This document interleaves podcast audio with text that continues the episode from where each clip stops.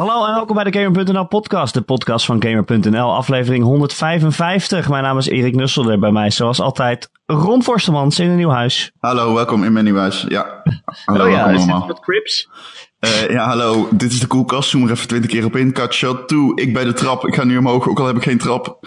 Nee, het is... eh, het is, eh, het is als ik galm, komt dat omdat het nog niet... Ja, maar het is eigenlijk best wel gemeubileerd al. Ik heb echt eh, veel te veel geld uitgegeven aan de inrichting. Ik, ehm, ik ben best trots erop. Ik ben nu binnenhuisarchitect. Je mag me alles vragen over eh, alles. Over inrichting. Oké. Eh, dat ja, je hoort misschien wel een inrichting, ik weet het niet. Eh nou, bij dus- ons te gast vandaag Simon Seidemans, Goedemorgen, middag, goedendag. onze collega van eh Inside Gamer en eh World Jump podcast. Yay. Hoe is het Simon? Rond nog niet aan het lachen, hoe kan dit? Ja, gast. Ja, ik zeg altijd dat ik Simon de grappigste persoon vind die ik ken. Maar we beginnen met podcasten. Ik, want ik gooi gewoon een quote eruit richting Simon. En ik heb letterlijk drie minuten lang net eh, gewoon tot tranen toe zitten lachen. Dus, ja, ik, ma- ma- mag ik erover beginnen, Simon? Mag ik Ja. er even... Je mag alles wat je wil, Ron. Het is een podcast. luister. Ik ben te gast. Stel, wie komt er morgen? Ja. Morgen komt in mijn huis een vrouw om spoken te verdrijven.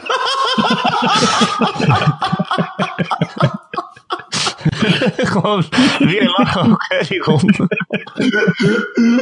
Hij wist het antwoord al. Simon, Want dat waarom is echt een hele makkelijke voor een eh, comedyclip. Kan tien keer dezelfde grap vertellen. Ja, het is echt goed publiek. Nou zijn we wel weer tien minuten kwijt omdat hij weer moet bijkomen.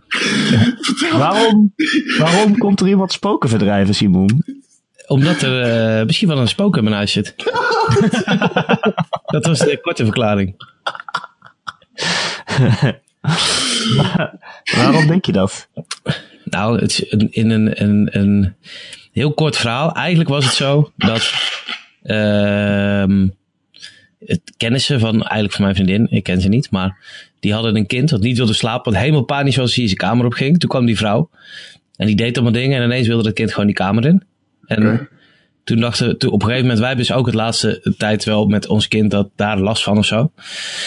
En toen wisten we niet wat we moesten doen. Toen dachten we, ja, misschien moet die vrouw bij ons ook even komen. En toen hoorde ik het hele spokenverhaal. En toen dacht ik, ja, er gebeuren wel allemaal rare dingen in dit huis. Dus eh fuck it, laten we het gewoon eh, die vrouw komen. En dan hopen dat hij weer gaat slapen.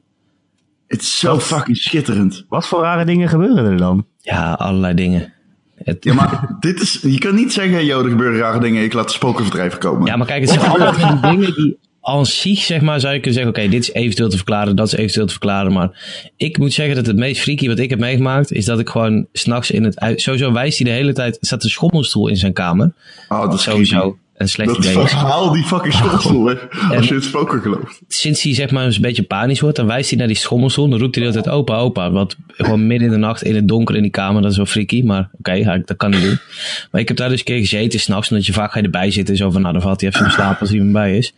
Dan zat ik te kijken naar de gang waar wij een deur hebben. En die deur is verder niet onderhevig aan tocht of zo.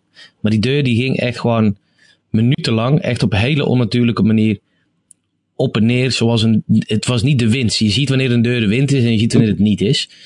En dat was toch wel bijzonder freaky, moet ik zeggen. En dat is een van de vele dingen die gebeuren. En allemaal bij elkaar opgeteld dacht ik, weet je, we laten gewoon die chick komen. Oké. Oké.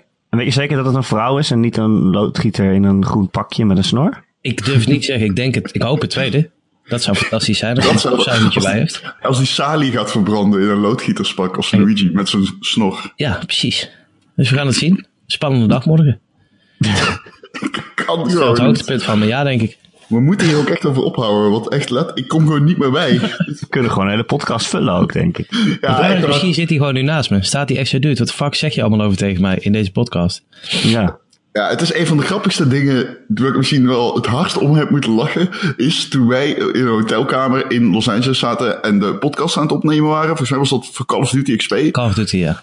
En Simon en ik zaten naast elkaar en opeens gaat de telefoon. We hadden Ik was een spookverhaal aan het vertellen tegen Ron. En hij was me de hele tijd uitlachen, omdat ik daar een aanvaring mee had gehad. Verschillende eigenlijk.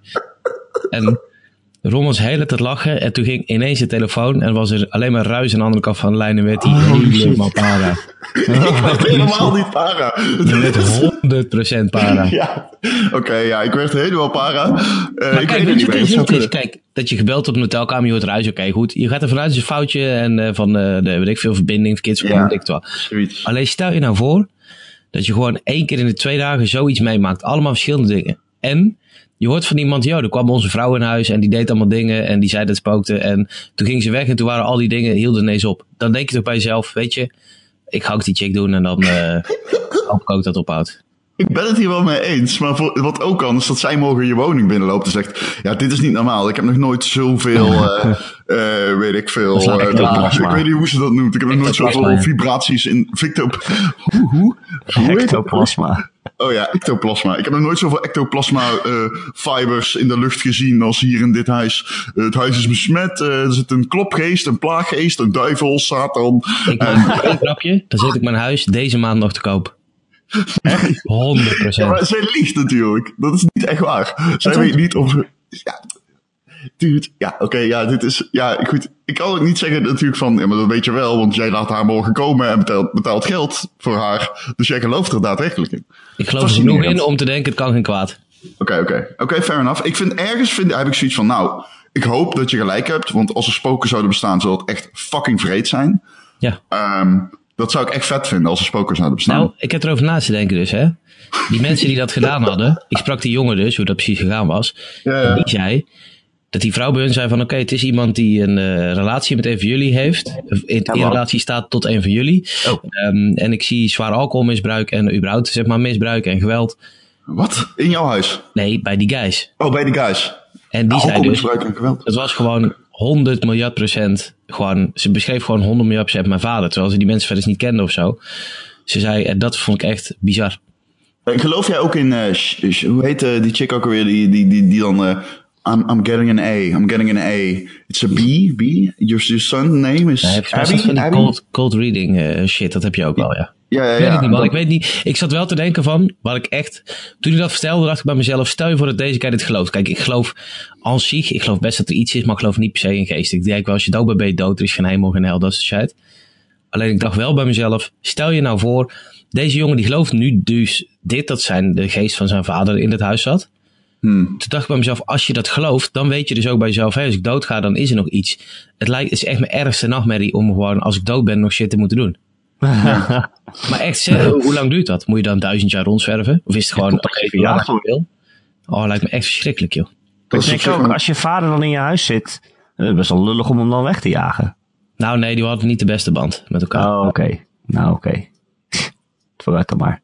Dus alleen, het lijkt me echt verschrikkelijk als je doodgaat. En dan, oké, dan is alle malaise nou voorbij. Klaar, ik mag eindelijk rusten. En dan zo, tuut, tuut, tuut, kom je op je begrafenis weer naar boven als geest. Zo, ah, kut. Zo'n steeds niet. Misschien kan je wel gewoon gamen dan. Hoef je niet meer te werken. Dat Veel weinig tijd. wel chill zijn, maar ik denk niet dat het kan. Maar je kunt wel meekijken met mensen die aan het gamen zijn. Dus je mist niks Oh, meer. een soort Dat streams. is zeker waar. Ja, een soort streams. Een soort real life streams met nadruk op real life. Twitch. Twitch. Eh, zullen we het over games hebben? Ja. Al moet ik zeggen dat ik dit onderwerp misschien wel beter... Ik denk dat ik een nieuwe podcastreeks met Simon wil opnemen over spoken. Dat lijkt me best wel leuk, ja. Dat lijkt me echt fantastisch. Waarin we steeds iemand krijgen die dan vertelt over zijn of haar ervaringen met die afterlife. En Simon dan, oh, oké, nou vertel meer. En ik die dan op de achtergrond aan het lachen is en een belachelijk maak. For real, ik zou die podcast 100% luisteren. Als ik podcast had. Alleen niet op dit moment. Ik wil dus ook, ik heb een paar van die horrorfilms nog staan die ik wil zien. En de ONL dat ik die nu ga kijken. Nee, Wat? dat kan ik niet. Dan moet ik daarna gaan Ja, slapen. Dan ben ik echt de hele nacht wakker, gek. Ah, serieus? Ja, nee. Oh. Ik ben Ja. in slaap gevallen in de bioscoop tijdens The Conjuring 2. Oh mijn god, Conjuring 2 is echt de gruwelijkste film ooit. Ja, En ergste nachtmerrie. Conjuring. Maar goed. mij spreek ik het fout uit, maar goed. Ja. Conjuring. Con Conjuring. Eh, Games. eh, games. Ja, Ja. hey jongens. Eh, spelletjes. Nintendo die had ineens eh, een, eh, een mini-direct. Zo noemen ze het zelf. Een, eh, ja, een soort filmpje van 15 minuten waarin ze een beetje de games van eh, ja, de komende drie maanden eigenlijk uit de doeken deden. Hebben jullie het gezien? En waar kijken jullie nou echt naar uit? ik heb het nieuws meegekregen. Ik heb niet de Ja. direct zelf gekeken, maar ik heb wel alle nieuws gelezen. ik vind het fantastisch. En ik kijk het meest uit naar Dark Souls op de PlayStation 4. Sorry. maar dat was wel voor mij het ding wat ze daar aankondigden, dat er een Dark Souls remaster aankwam. Dat is Ja. met stip ook de game waar ik het meest naar uitkijk in 2018 nu. De remaster van een game die je al gespeeld hebt. Nee, ik heb het dus niet gespeeld. Ik heb alle Oh. Souls games gespeeld, behalve Dark Souls 1. Oké, oké. Nou ja. Dus ik speelde echt heel, heel, heel graag. En ik dacht op een gegeven moment van, weet je, er komt een remaster aan. Maar dat dacht ik in, weet ik veel, 2012 of zo, of 13. Toen was die PS4 natuurlijk. En toen dacht ik, nou, dit komt goed. En toen kwam die niet. En toen kwam die niet. En toen bleef ik maar wachten. En uiteindelijk is dit het moment. Ja, zeker. Het is zover. Ehm, maar weet Ik, je, eh, ik, vind het ook wel cool dat hij op de Switch komt, echt. Super vet, ja. Ja, dat je hem onderweg kan spelen. Een Dark Souls Dat is- onderweg spelen, jeetje. Ik ga hem spelen dus. Dit wordt mijn eerste die ik echt eh, volledig ga doen. Een, de eerste Dark Souls. Ja, want ik, ik vertel altijd over hoe erg ik die eh, formule hekel. Maar eigenlijk lullig. Eigenlijk zeg ik dat alleen maar tegen mezelf om mezelf gerust te stellen zodat ik die game niet hoef te spelen. Dus ik moet, ik moet er gewoon aan beginnen. En dit wordt hem. Dit wordt hem. Had jij niet tegen jezelf gezegd dat je Bloodborne dit jaar voor jezelf zou uitspelen? Of was het vorig Ja, jaar? klopt. Nee, dat was dit jaar, volgens mij. Oké. Was het klopt. Dan heb je al een beetje Ja. de Souls game gespeeld. Bloodborne valt wel echt in die reeks. Net als Demon Souls, Dark Souls, Bloodborne. Ja. allemaal dezelfde serie in principe. kun jij mij uitleggen wat Demon's Souls, de verhouding van Demon's Souls tot Dark Souls is? Ehm, moeilijk, omdat die twee veel meer op elkaar lijken dan Bloodborne en Dark Souls. En Bloodborne en Dark Souls, dat, het contrast tussen die twee is vooral, je hebt geen schild en bent aan veel aan het duiken. Nou, er, Toch? zit, er zitten hele grote verschillen in. Bloodborne is, een hey, eh, is meer fast-paced. Ik vind voor mij het grootste verschil, en dat is misschien als je de series kent. Bloodborne is voor mij echt een contained verhaal wat zich afspeelt over een nacht, zeg maar. En eh, in een, een stad. En er zit wel van alles natuurlijk omheen. Alleen voor mij is, als ik Dark Souls speel, heb ik echt het idee, ik ga op een echt een Conan de Barbarian-achtig avontuur over een continent. En ik kom over, dat voelt als die grote reis. Terwijl Bloodborne zeg maar veel kleinschaliger en veel geconcentreerder is. En ik denk dat hetzelfde eigenlijk geldt voor de, ehm, voor de gameplay. Want in Bloodborne kun je allerlei verschillende beelds bouwen. Je kunt er heel creatief mee zijn. Maar het blijven wel beelds die zeg maar op dezelfde principes een beetje gestoeld zijn. Tot op zekere hoogte. In ieder Ja. geval in vergelijking met Dark Souls. Waarbij je echt alle bizarre kanten op kan, zeg maar. Dus Dark, Bloodborne is heel erg een geconcentreerde game in eigenlijk alle facetten van wat het doet. Verhaal, characters, eh, ehm, lore, eh, omgeving, ehm, actie. En Dark Souls is echt, het, het, als Bloodborne een land is, is Dark Souls een continent. Zo moet je het zien. Oké, ik snap het. Ik snap het, denk ik. Ja, moet ik al vertellen waarom ik opeens een soort van obsessie voor de lore van Bloodborne heb, bij heb? Vertel. Ehm, ik heb de card game van Bloodborne gisteren de hele avond gespeeld. Oh, Samen met wat vrienden. En ik kaartspel? speel, ja, het is een, een card game, net zoals wat een Dungeons soort Magic of zo? Ja, ehm, ja. Ja, een soort Magic. Ehm, ik speel die shit dus nooit, hè. Ik, eh, ik ken Monopoly. Ik ook. Ehm, ja, en ik ik vind het ook, ook ja. leuk. Dat is ook op de Switch. Dus ook op de Switch, ja. En dus ik speel, dit is eigenlijk mijn eerste echte card game. Eh, voor- eh, ik had wel Pokémon kaartjes, maar die, daarbij, die, die, die- ik speelde nooit die card game erachter. Het was gewoon, ik wilde zoveel mogelijk hebben. Ja, het was bij ons altijd, we willen zoveel mogelijk hebben. En eh, dan ging je tegen elkaar spelen, maar dat deed je dan niet door middel van het kaartspel, maar door die kaartjes zo dicht mogelijk tegen de muur te gooien. En Oh, ja, ja, ja, ja. de muur lag, mocht ook de andermans Alsof het flippers waren. Alsof Hebben ze een heel spel verzonnen? ja, precies. Ja, precies dat. Ehm, maar ik heb dus die card game gespeeld. En dat was echt fucking fun. Het was zo fucking leuk. Ik dat ik er de hele tijd aan denk van, oh, ik wil die shit weer gaan spelen gewoon. Het is, eh, Wat je speelt er drie tot vijf personen. Zo. En ehm, je hebt een, eh, een, eh, een stapel met bosses en vijanden. Die zitten door elkaar heen. Ehm, en je hebt een kaart met upgrades. Dat zijn je items. En je, hebt nog, je kunt jezelf upgraden. En dat doe je door bosses te verslaan. Ehm, je speelt dus met z'n drieën tegen de monsters. Maar je speelt uiteindelijk ook tegen elkaar. Ehm, En je krijgt steeds blood vials. Nadat je een monster hebt verslagen. Die gaan naar je stapeltje. Maar je moet terug naar de Hunter's Dream. Net als in Bloodborne zelf. Om die blood vials te storen naar de echt. nee, dan kun je ze banken, zeg maar. Dan kun je ze storen. Dan kun je ze, kunnen ze niet worden afgenomen. Maar als ze in die andere of staan. zo. Ja. een beetje hetzelfde in de game. Eh, je zouden, ja, ja. En het is echt, ehm, het is eh, super grappig, omdat je dus met elkaar monsters moet verslaan. Maar uiteindelijk speel je ook tegen elkaar. Dus je moet elkaar een beetje liegen. Je moet een beetje liegen en zo shit. Het is Mm. echt, het is fucking grappig gedaan. Echt, eh, ik, maar eh, dus eh, dan kom je al die eh bosses tegen, Father Gascoigne en zo. En ehm ja, ik, nu dacht ik heel erg van, ah, ik wil die fucking game gaan spelen. Dus dat heeft mij eh, de vlam nog meer aangewakkerd, zeg maar. Ik ga hem nu bestellen.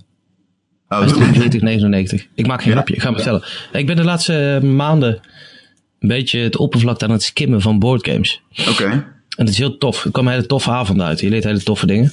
Je leert bijvoorbeeld dat je nooit Risk Star Wars moet kopen. Hoezo? Wat, wat, Wat? dat, klinkt super cool. Nee, echt echt, ik, ik ben de grootste Risk-fan die er is. En we hebben, eh, zijn eigenlijk begonnen met Classic. Ik speel met vijf vrienden. Of vier eigenlijk, dus we zijn met z'n vijven. Die Vier allemaal- vrienden en dan gewoon eh, iemand die haat, ja? Ja, vier vrienden en eh, het spook. Die doet ook mee. Oh. Dus dan spelen we, spelen we spookslot en dan wordt hij de, dat skelet. maar geen één van ons is zeg maar zo. eh, die gasten zijn sowieso geen gamers, zeg maar. Laat staan met boardgames. We hebben er eigenlijk allemaal helemaal niks mee. Maar alles iets van fuck it, we gaan het doen.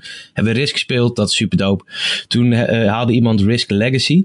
Dat is ultra dope. Dan kun je zeg maar 15 potten spelen en op het bord verandert er van alles. Je hebt die, die legacy games, dat een beetje een trend is van de laatste jaren, waarin je eh, zeg maar het, het, het, het, het speelbord definitief zeg maar stickers erop plakt, namen erop schrijft. Dat soort shit, dat is heel dope. En eh Risk Metal Gear Solid hebben we daarna gedaan, die ook echt fantastisch is. Risk Metal Gear Solid? Ja, die is heel dope, What serieus. fuck? Ja, die, maar die is echt Metal heel Gear vet Solid, ook nog eens een keer. Maar hoe ja, oké, maar wa- waarom? Wat is anders? Je hebt bijvoorbeeld een eh, basis die over de wereld heen kan vliegen, een Outer Heaven. En die moet je dan wel eens pakken en dan kun je dan mee vliegen. Maar je moet wel van tevoren besluiten waar je de volgende beurt heen gaat. Het is echt heel dope. Je hebt oké. allemaal kaarten. Je hebt die Dragon, weet je wel, uit Metal Gear Solid 4. Daar is hij ook op gebaseerd.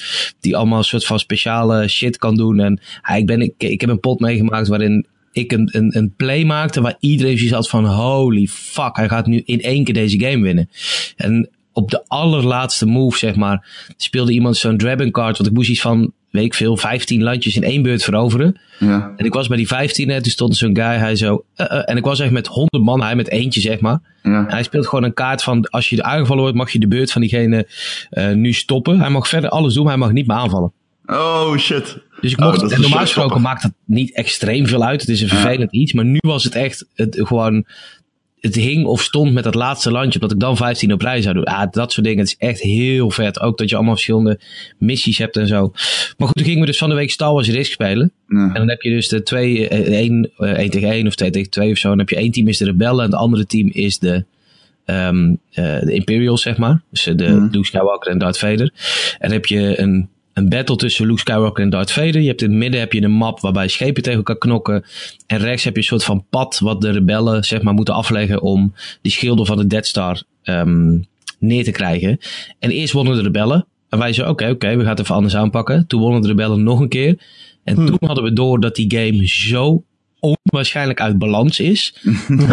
het, het is het, maar ik, het is zo frustrerend dat je het speelt en je denkt na twee rondes zo van, yo, vier mensen zitten hier. We hebben twee potjes gespeeld en we hebben even naar het bord gekeken en we zagen gewoon, oké, als jij via dat pad van die shield generators gaat, zeg maar, dan ben je daar, zeg binnen vijf, zes beurten, ben je gewoon bij die shield generators en dan zijn ze kapot. Hoef je alleen nog maar één keer te- eh, op de Death Star te dobbelen, zeg maar. En in die tijd kunnen de eh, Imperials, de Darkseid zeg maar, kan in die tijd nooit zijn troepen rondom de Death Star verzamelen. Dus het is gewoon één lange rechte weg naar de winst voor de, voor de rebellen en that's it.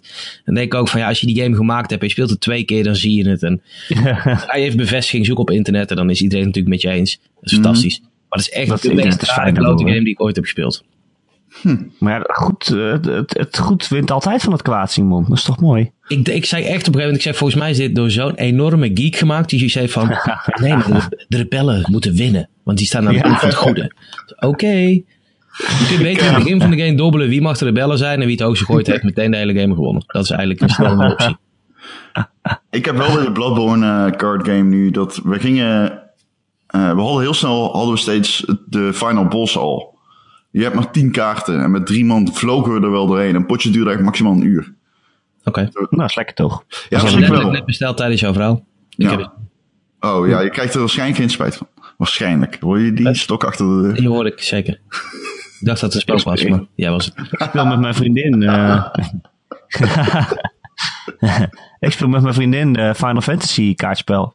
Ah, Dat is echt gewoon precies een, een, een, eh, een rip-off van Magic gewoon. Oké. Je moet ook zo bijna echt landjes spelen, net zoals in Magic. En dan moet je ze zo tappen, zo schuin leggen. En dan krijg je er een mana uit. En dan kan je dan, ja, weet ik veel, Lightning mee spelen of zo. Of, eh, ja, vet. maar ik vind het vooral leuk omdat het Final Fantasy is. En al die plaatjes zijn zo mooi. Ik wist gewoon dat je dat nog ging zeggen. ja. Ik dacht, er, komt nou, het, het- er komt nog iets over dat het Final Fantasy is en dat je het daarom alleen maar leuk vindt. Maar het is ook wel leuk, want ik, ja, ik heb vroeger wel Magic gespeeld. En dat is wel echt gewoon... Dus het is echt wel een interessant spel. Je kan ook echt tactieken verzinnen. En je moet je eigen deck bouwen en zo. En, eh, Ik heb al die Nou, shit geskipt. Op de een of andere manier in mijn leven ben ik altijd met een grote om die shit heen gelopen. Maar ik ben Ja. nu opeens heb ik er een iets eh, bij gekregen. je leert. Je Ja, precies. Ja. Ervaring. Eh, Ervaring. We hadden het over Nintendo, geloof ik, hè? ja, Of games, ja, sorry. ja, sorry.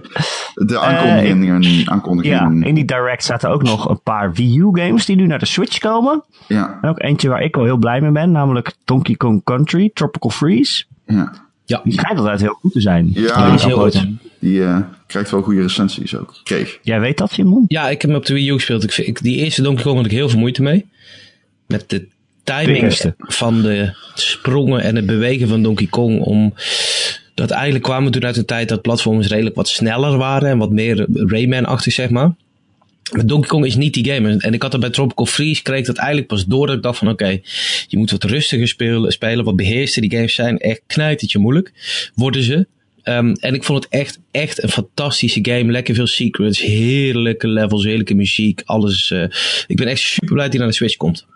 Ik ook, ja. Want ik heb hem dus niet gespeeld. En dat was een van die games waarvan ik altijd dacht, nou, zal ik een Wii U kopen? Nou, nou het is er nooit van gekomen. Maar ja, het zou echt tof zijn als ze nou gewoon alle goede Wii U games even op die Switch zetten. Ja, zeker. Eh, maar ja, ze nemen ook Hyrule Warriors. Eh, daar heb ik dan niet zo veel zin in. Die is ook wel leuk, Maar die die heb ik uitgespeeld. Echt? Ja, Ja, is die leuk, dat- hè? Die dat is vond ik leuk niet zo game. goed. Ja. Ja, ik hou wel van die, eh, van die Mu- Musu eh, games, moet ik zeggen. En dit is met een eh, Zelda skin en dan ben ik al snel verkocht. En het is gewoon leuk, het is gewoon rammen. Je hebt ook allerlei, je kunt er heel diep in gaan. Ik heb hem gewoon uitgespeeld en wat dingen gecheckt. Ik heb hem ook gerecenseerd, geloof ik. Ehm, het is een hele leuke game. Oké. Maar je moet er niet, van, niet meer van verwachten dan een Musou game met een Zelda skin. Nee, het is echt gewoon op de knoppen rammen. Ja, Precies. gewoon dat vond ik met, vijanden die- die in de lucht vliegen en jij die alleen Ja. op een knop ramt. Ja. Ja, ik vond het met die van Fire Emblem die vorig jaar uitkwam, vond ik het beter gedaan. Daar hadden ze echt wel ook, zeg maar, de Fire Emblem kant van, het, van de game Van eh, uh, range tegen melee en de... Ja, de zwaardjes tegen zwaarden. eh, eh, bijlen en zo. En, en Als je die gespeeld hebt, eh, je verwacht van Hyrule Warriors wel inderdaad gewoon, het is echt de light versie van die game zelfs. Ja, ja precies. ja. Want dat was echt gewoon een Dynasty Warriors met een Zelda skin. Maar met Fire Emblem hebben ze ook nog wel echt de moeite gedaan om het ook een beetje Fire Emblem te laten voelen. Ja, Ja, dus dat vond ik wel een stuk leuk. Eh, ze hebben zelfs een nieuwe game aangekondigd ook nog. Mario Tennis Aces. Ja. yay. Oh, ik word er wel echt blij van. Dat ze weer een Mario Tennis met een verhaal gaan doen. Ik ook. Met zeg maar een, eh, een overworld en dan moet je missies doen. En ik zag al een beetje dat hij aan het trainen was tegen Donkey Kong in de, in de jungle of zo. Nou, dat lijkt me wel echt cool. Ik bedoel, eh dat is al heel lang geleden sinds eh, ja, de Game Boy Advance was dat geloof ik hè. Eh, Power Tour. Dat, die Die heb ik had zo'n verhaal. gespeeld. Niet normaal. Ja, ik ook. Die had daarna nog die Gamecube versie of zo geloof ik. Of het misschien op de Ik weet het niet. Die allemaal niet meer zo tof. Maar die, die Power Tour op de GBA. Holy fuck. Die was zo vet. Ja, dus ik hoop echt dat dit er een beetje blijkt. Hey, mag, ik- iets vragen aan jullie? Ja. What are your thoughts? Wat vinden jullie van Faye? Die Hè? indie game van E EA. Hè? Ik weet niks Faye. over deze game. Hè? Ja, ik weet het dus niet, Ron. Het is weer zo'n EA-game. Het is een beetje hetzelfde gevoel als bij Unravel, krijg ik. Zo van, het is best wel lang geleden aangekondigd. En toen dacht iedereen, oh, dit is echt cool. Dus ze doen een indie-game. Het ziet er wel lief uit. Maar uiteindelijk viel die game een beetje tegen. Toen was, het heel lang stil en toen kwam die game uit. En dan was het van, ja, oké, ja, het is wel leuk. Maar Wat, het is, eh, voor degene die het niet weet, het- je speelt een soort van klein, schattig, ja, wat is het? Een een beestje? vosje. Een beestje? Een vosje. Een Een spook. vosje? Een vosje? Spookvos. Een spookvos. En eh, het is in een donker, ja, een beetje Scandinavisch-achtig, eh, ik weet niet, bos. Met Ja, veel het een bomen en zo, en sparren Een en bos zo. met veel bomen. En ehm, ja, dankjewel Erik voor, de stuk, eh, voor de duiding. Ja, En, ja, en, en, nee, nee, ja, verder is het gewoon eh, een beetje, zoals ik hier even, want ik heb het even opgezocht, eh, klimmen, glijden en graven. Maar je moet ook vechten. Maar ik snap totaal niet wat die game nou is. En ik, Nee. ik, ik, ik, ik heb heel erg van, laat me nou eens een keer zien wat ik doe in die fucking game. Dan weet ik of ik enthousiast moet zijn, want het ziet er schitterend uit. Maar Nou, ik begrijp dat het een soort van Metroidvania is, tenminste wat ik ervan begrijp. Dat je met andere dieren moet praten en daar krijg je dan weer eh, vaardigheden van waarmee je weer in een nieuw stuk van de wereld kan komen. ja, ik hoorde inderdaad een soort van 3D Ori, zei iemand tegen mij. Ik zit voor het eerst nu de trailer te kijken. Het ziet er wel gruwelijk uit, maar ik heb inderdaad geen idee. Eh, ik denk dat ik het heel vet ga vinden als ik dit zo zie. Want het is een beetje... Heb je Ori gespeeld, Simon? Ja, shit, natuurlijk. Hallo. Ja, hallo. Ja, nee, precies. ben een Nou ja, dit schijnt dus eh, een genre. idee Ori. Is de uitleg die eh, iemand eh, die een geplaytest heeft, heeft gegeven op de Reddit. Hm. Hij oogt ook wel als Ori, dus ik, ik snap dat mensen al snel die kant op neigen. En dan als er een paar dingen overeenkomen, dat ze al snel de, zeggen, oh, het is net Ori. Ja, het precies. Dat, ja, en het is indie natuurlijk ook. Dat soort dingen. Ja, het Ja. is niet in. hoe- Het wordt uitgegeven door EA trouwens. Ik zeg nou wel met heel veel zelfvertrouwen. Ja, het is zo'n EA original. Is Ja. het? Ja, precies. Ja, net als partnert, ja, EA partnert dan met een indie studio. Of ik, neem aan dat ze dan zoeken naar in, ja, indie studio's die games maken die daar geschikt voor zijn. En dat ze die dan contracteren. Maar ja, ben je dan nog een indie? Dat is dan wel de vraag natuurlijk. Ja. Maar goed, het antwoord maakt uiteindelijk ook niet zoveel uit. Maar goed, het komt dus naar de Switch. Dat is wel, eh, dat vind ik een, eh, een, eh, een mooi ding. Want ik ga Ja. die game daarop spelen. En niet op de PlayStation of de. Ik ga die op de Switch kopen. En eh 16 februari al, hè? Mhm, Best snel. Ja. Snel. PD2 is ook aangekondigd voor de Nintendo Switch, overigens. Ja, Die komt Ja, eind februari. is dat leuk? Nou ja, PD is wel zo'n... Ik heb die eerste PD gespeeld. En het was wel funny. Het is, die formule is fucking leuk. Eh, boeven en eh, kops. Maar ik ga nog niet eh, veel zeggen over PD2, want ik heb die nog nooit gespeeld. Nee, Volgens mij is die er al een tijdje uit. Ja, Ja, best wel lang. Ja. Eh, Kirby kwam nog voorbij. Die komt op 16 maart uit. Is het een, ik heb er niks van, is het gewoon een normale Kirby zoals ik wil? Of is het weer een of andere... Kirby is zo raar aangezien de, de main line is gewoon een lijn spin-offs geworden. Ja, ja. Nee, dit is wel gewoon een platformer volgens mij. Oké, Ja. Maar je kunt het ook co-op spelen. ik hou wel van Kirby. Maar je kunt het al nu spelen, want er is net een demo uit van die game. Oh, is het zo? Oh, dat is misschien wel leuk om even te doen. Eh, maar ja, het is wel echt een platformer. Dus eh, ja, weet je, ik vind Kirby altijd wel leuk, maar ook weer niet. Ik heb nooit echt een Kirby gehad waarvan ik dacht, oh, dit is echt een super vet game. Ah, is ja, ja. zo. Op de, Ja, ja, het zal- charts ja. op de Nintendo vond ik echt fantastisch. Het is super makkelijk altijd. Maar het is het wel heel heel leuk makkelijk. om er doorheen te lopen. En eh, vooral als je, dan kun je van die combis maken. Als je dan bijvoorbeeld een, een, eh, een boemerangman en een vuurman, dan hoor je een vuurboemerang. Ja, dat vond ik leuk om die allemaal te doen. Op de Super Nintendo had je ook een goede Kirby, waarvan ik de naam even kwijt ben. Ik weet Met wel al dat ik op de. Oh ja, op de Game Boy was een hele goede ook. Ja, Kirby 2, ik vond Dreamland. Dream, ja juist.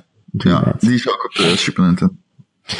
Eh, maar goed, ja, het is altijd zo makkelijk inderdaad wat je zegt. Je loopt er zo doorheen en dan is het wel leuk, maar dan denk ik, ja, als het een game van 60 euro is, dan... Ik ga hem nooit kopen voor iets 60 euro, nee. Nee, precies. Dat- Kirby voelt toch als tweedehands Mario of zo. Ja. En er was nog iets waar ik wel heel blij van werd. Namelijk, de- ja, of ik weet niet of ik er blij van word, maar The World Ends With You wordt geremixed Ja. en op de Switch ge- ge- gezet. Dat is een, een, een RPG van tien jaar geleden eh, van Square. Enix Ja. op de DS. Eh, en dat is een hele rare game. Heb jij die gespeeld, Simon?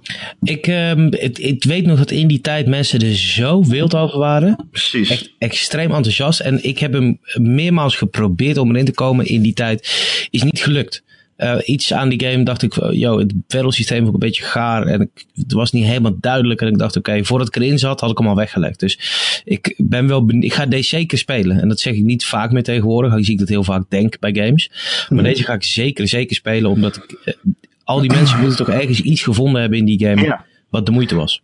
Ja, het is dus, die stijl die spreekt me wel aan. Ja. Eh, dat is, vind ik altijd, heb ik altijd wel mooi gevonden. Het is een beetje Kingdom Hearts-achtig, maar ook beetje Persona. Persona of zo. Ja. Ja. Ehm, maar het is inderdaad wat jij zegt. Ik ben er ook nooit echt goed ingekomen. Want het is allemaal zo vaag. En het battlesysteem vond ik niet helemaal lekker. En ja, weet je, aan het begin loop je in een drukke stad en dan komen de, word je aangevallen door kikkers of zoiets, dat weet ik nog. Het is heel weird. En ik weet het ook Het nooit langer dan een uur heb ik het volgehouden. Ik denk dat wij precies in hetzelfde schuitje zitten. Misschien, ik denk wel dat het zo'n game is, als je hem gewoon even wat langer speelt, dat het wel echt een ere-game zou zijn. Ja. Ik, En, en een Simon game. ik heb hem nooit gedownload en ik heb hem nog nooit gespeeld. Oh, oh, oh. Hij is ook op de telefoon. Op de, hij is op. Android. Oh ja, klopt. Ehm, ik heb hem nog nooit gespeeld. Ik heb hem wel gedownload. Dat was een aanbieding. Ik, weet, ik, ik heb precies wat Simon zegt. Ik heb die game eh, toen die uitkwam. Dat is echt lang geleden. Het kan goed tien jaar geleden zijn. Ja, makkelijk. Ehm, dan, toen dacht ik van, oh, wat? Zo, dit ziet er een beetje Final Fantasy, eh, Kingdom Hearts isje uit, inderdaad. Ik weet niet of ik hier aan toe ben. Ehm, maar ik, eh, ik heb, iedereen was lyrisch, maar ik ben nooit ingestapt. Nu is het misschien een goede, ja, ja, ik ben wel blij mee, denk ik. Misschien koop ik hem ook gewoon opnieuw op de Switch. Op mijn telefoon werkt toch niet. Nee, dat zou- Nee. dat zou ik sowieso niet doen. Nee. Waarom zou je op je telefoon spelen als je een Switch hebt? Ja. Ja, maar ik heb Goa Goa, ben ik wel op de telefoon, is echt fun. Hoe lang, ja, is, hoe, hoe lang is die? Eigenlijk? Gora Goa, die puzzelgame? Ja, volgens mij is die Ik super kort. lees van iets van twee of drie uur. Maar Oké, dat is goed voor Ik mijn heb hem eh, niet zelf gespeeld. verwachtingsmanagement. Ja. Eh, ja, dat was het eigenlijk wel eens een beetje. Het was een korte, maar krachtige Nintendo Direct. En het, ja, het vergeet er eentje, weer- Wat vergeet ik dan? Dat eh, Super Mario Odyssey een online modus krijgt. Ja. Oh ja, dat vond ik zo crappy. dat zag er echt zo raar en saai en niet leuk uit, dat ik dacht, waarom presenteer je dit? Ja, ze hebben wel iets van een, een modus waarbij je eh, ballonnen moet verstoppen Ja, voor in de elkaar. Ja. wereld. Ja. Je hebt 30 seconden om een ballon te verstoppen. En dan eh, kunnen andere mensen die zoeken. En jij kan ook ballonnen zoeken die andere mensen dan verstopt hebben. Crazy lit. Daar gaan je zaterdagavonden. Nou, ik wou net zeggen. maar het is ook niet dat je het tegelijk speelt of zo. Het is gewoon, je bent of aan het verstoppen of aan het zoeken. Ja. Maar het is niet tegen elkaar. Nee. Wat Heel vinden jullie raar. van de mensen die zeggen ehm, van, oh, is dit nu wat Switch nu een veredelde poortmachine? Want er was best wel ook wat kritiek op die Direct. Ik bedoel, Ja. ik ben bijvoorbeeld, ik ben heel blij met die Donkey Kong, heb ik zin in. En Mario Dark Tennis is een nieuwe game, Dark Souls natuurlijk ook een remaster. En dat mensen die nu al zeggen van, oh ja, we hebben nu zelden Mario gekregen. En eh, ja, oké, Metroid komt er wel aan. Maar ja, is dit wat, eh, wat we van dit eh, jaar moeten verwachten? Allemaal Wii U ports? Ja, ik weet het niet. ja. Als ik kijk naar de magie van de Switch, dan zeg ik, maak er maar gewoon de fucking portmachine van. I don't give a fuck. Ja, ik Als ik alle games die ik gemist heb op de Switch kan spelen, ben ik een, een fucking gelukkig man. Ik heb dat dus precies. Ik Ja. vind het ook helemaal niet erg. Het zal ze ook geen windeieren leggen, denk ik. Nee, dat denk ben- ik ook niet. Ik ben ook heel blij dat Bayonetta komt eh, binnenkort. En eh, ja, het zijn allemaal games die op de Wii U niet gespeeld heb, dat die allemaal komen. Maar ik vind het ook een beetje flauw, want ja, dan sla je gewoon de games die wel komen, sla je ervan over. Inderdaad, Metroid en Pokémon en Kirby en Yoshi en nou, die Mario Tennis game dan. Ik bedoel, het is niet alsof ze niks doen. We hebben ook al best wel veel gehad. Eh, en ja, de third, party, eh, third parties die sluiten ook goed aan bij de Switch nu. En die zijn ook games aan het uitbrengen. Ehm, en bovendien, ja, wat jullie zeggen, het is heerlijk dat ik die games die ik gemist heb, of die ik heel vet vond, dat ik die nu ook onderweg kan spelen. 100% dat. Wat, ehm, Simon, jij bent een groot Metroid Prime fan, toch? Zeker. Ehm, wat moet ik eh, verwachten van 4? Weet Ik hoop eh, dat- gewoon hetzelfde als van 1, 2, 3. Gewoon first Ja, is dat- person en eh, gewoon hetzelfde concept, dezelfde pilaren en eh, go for it. Zet die boel op de rails en laat me spelen. Ik heb eh, gisteren een speedrun zitten kijken van Metroid Prime 1. En dat was zo fucking vet. Metroid Prime 1 zetten. Ik heb voor, voor Instant Gamer een keer een top 10 beste games alle tijden gedaan. Daar stond Ja. Metroid Prime gewoon echt op 4 of 5 zo, weet ik het wel. Die stond er dik in. Dat is, die, game is, die game is perfect. Alles aan die game is perfect. Van, van beleving tot story tot... eh, Ja, het storytelling met het scannen van die levensvormen en zo. Dat zag er zo vet uit. Het is zo'n dope game. Vooral in die. Ik heb daar toen een Amerikaanse Gamecube voor gekocht. Omdat ik gewoon niet kon wachten. op die game en op, eh, op eh, de Resi remake. Resident Oh ja, Evil. maar serieus, die game is, die is perfect. En twee was een beetje zo van, oh, we nemen een zijpaadje wat niet helemaal dope is. Drie was wel weer leuk, maar was wel van, oké, dit is niet meer de magie die één had. En ik verwacht ook niet dat Metroid Prime 4 wel die magie gaat terugbrengen. Dat hele team is ook, eh, wie maakte dat toen ook alweer? Eh, Metroid... Ze zitten nu niet, niet. Armature of zo denk ik dat ze nu heet. Of dat mensen die weg zijn gegaan, dat die Armature opgericht hebben. Ik weet niet precies meer hoe het zit. Die hebben Recore gemaakt, waar een goede ziel in zat, maar niet een Mhm. goede game was. Ehm, en ik verwacht van Metro Prime 4 eh, niet dat ze me weer weg gaan blazen à la 1. Ik denk dat er weinig games überhaupt dat kunnen. Maar geef me dat concept weer. En, en laat me weer met, met, met Samus gewoon in first person. Vooral omdat ik Metroid Returns heel erg vond tegenvallen. Dus um, Oké. Prime 4 Wel, moet gewoon... daar goede verhalen over. Returns. Ja, toch wel mensen die zeggen Ja. van, ik vond op de Game Boy kut, maar deze vind ik heel leuk. Ja, ik moet zeggen, ik vond hem leuk omdat, ik, eh, omdat het Metroid was. En dat had ik lang niet meer gespeeld. Alleen het is, hij staat denk ik bij mij, even afgezien van de originele 1 en 2.